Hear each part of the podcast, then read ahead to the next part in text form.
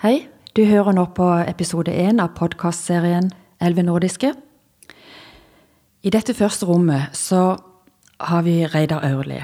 Han var en norsk kunstner som levde fra 1904 til 77. Og dette bildet er det største i dette rommet. Det er stort. Det måler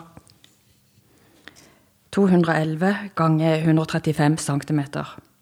Og han har kalt det bordellet. Og det er malt i 1933.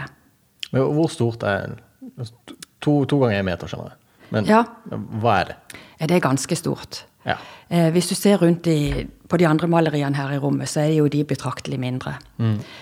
Eh, og det er jo ganske interessant at han har eh, lagd spesielt dette motivet så stort. Eh, han har kalt det bordellet. Og hva er det egentlig vi ser her?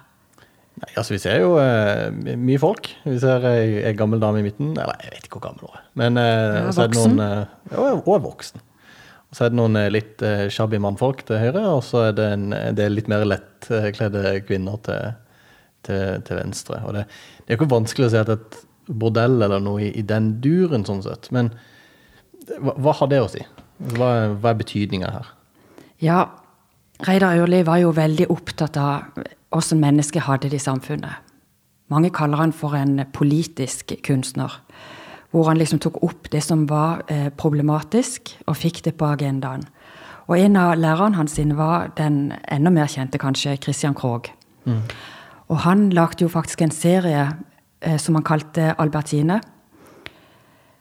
Der han eh, forteller om en ung kvinne som blir tvunget ut i prostitusjon. Og dette fikk et etterspill, for det, det satte eh, det med bordell og kjøp eh, av sex på dagsordenen. Og etter hvert så ble jo dette ulovlig. Og bordeller, det fant vi faktisk eh, i Oslo, i Vika, der som rådhuset står i dag. Og Reidar Auli har jo også vært med å utsmykke rådhuset. Ja, okay. Hvor han har beskrevet eller malt eh, fra arbeidernes liv. Men, men ok, så dette er på en måte et, et svar eller et politisk innspill, men var han for? Er han imot? Altså, hva har dette på en måte å si, dette maleriet? Hvordan klarer du å finne ut av det? Ja. Ved å se på dette kunstet, kunstverket? Ja, jeg tenker at eh, de fleste er vel eh, kritisk til Ikke, de, konseptet ikke disse mennene på bildet, kanskje? Ikke disse mennene. Men hvis du ser litt nærmere på ansiktsuttrykkene de sine, så er det veldig godt sånn beskrevet. Du ser eh, Det er vel bare én som ser liksom bortover på disse kvinnene. De andre ser vekk eller ned. Og han ene En ser en mann i, en ung mann i matrosdress som er veldig mørk under øynene. Holder lua i hånda. Um, så på en måte så ser det jo ut som at de ikke er helt komfortable heller sjøl i denne settinga. Og disse kvinnene de er jo veldig lettkledde. Jeg hadde en omvisning hvor det var ei eldre dame som sa å, det er jo som å se folk på Markens. Kvinner på Markens i dag. Ja, nettopp. Så- Kanskje ikke hun helt til venstre men eh, Nei, det er jo ei som er helt naken. Det som er også litt fint med dette maleriet, er at eh, det viser jo hvordan han gikk bort fra det å male helt naturalistisk. Altså sånn at det ligner på et fotografi. Det er mer liksom formen og farvene som han eh, eh, får frem i dette bildet. I disse andre maleriene som vi ser her, så er det jo situasjoner fra eh, streik. Eller dette bildet som kalles streik. eller Han har kalt streik. Som viser eh, mange mennesker som står foran eh, Ser ut som en fabrikk.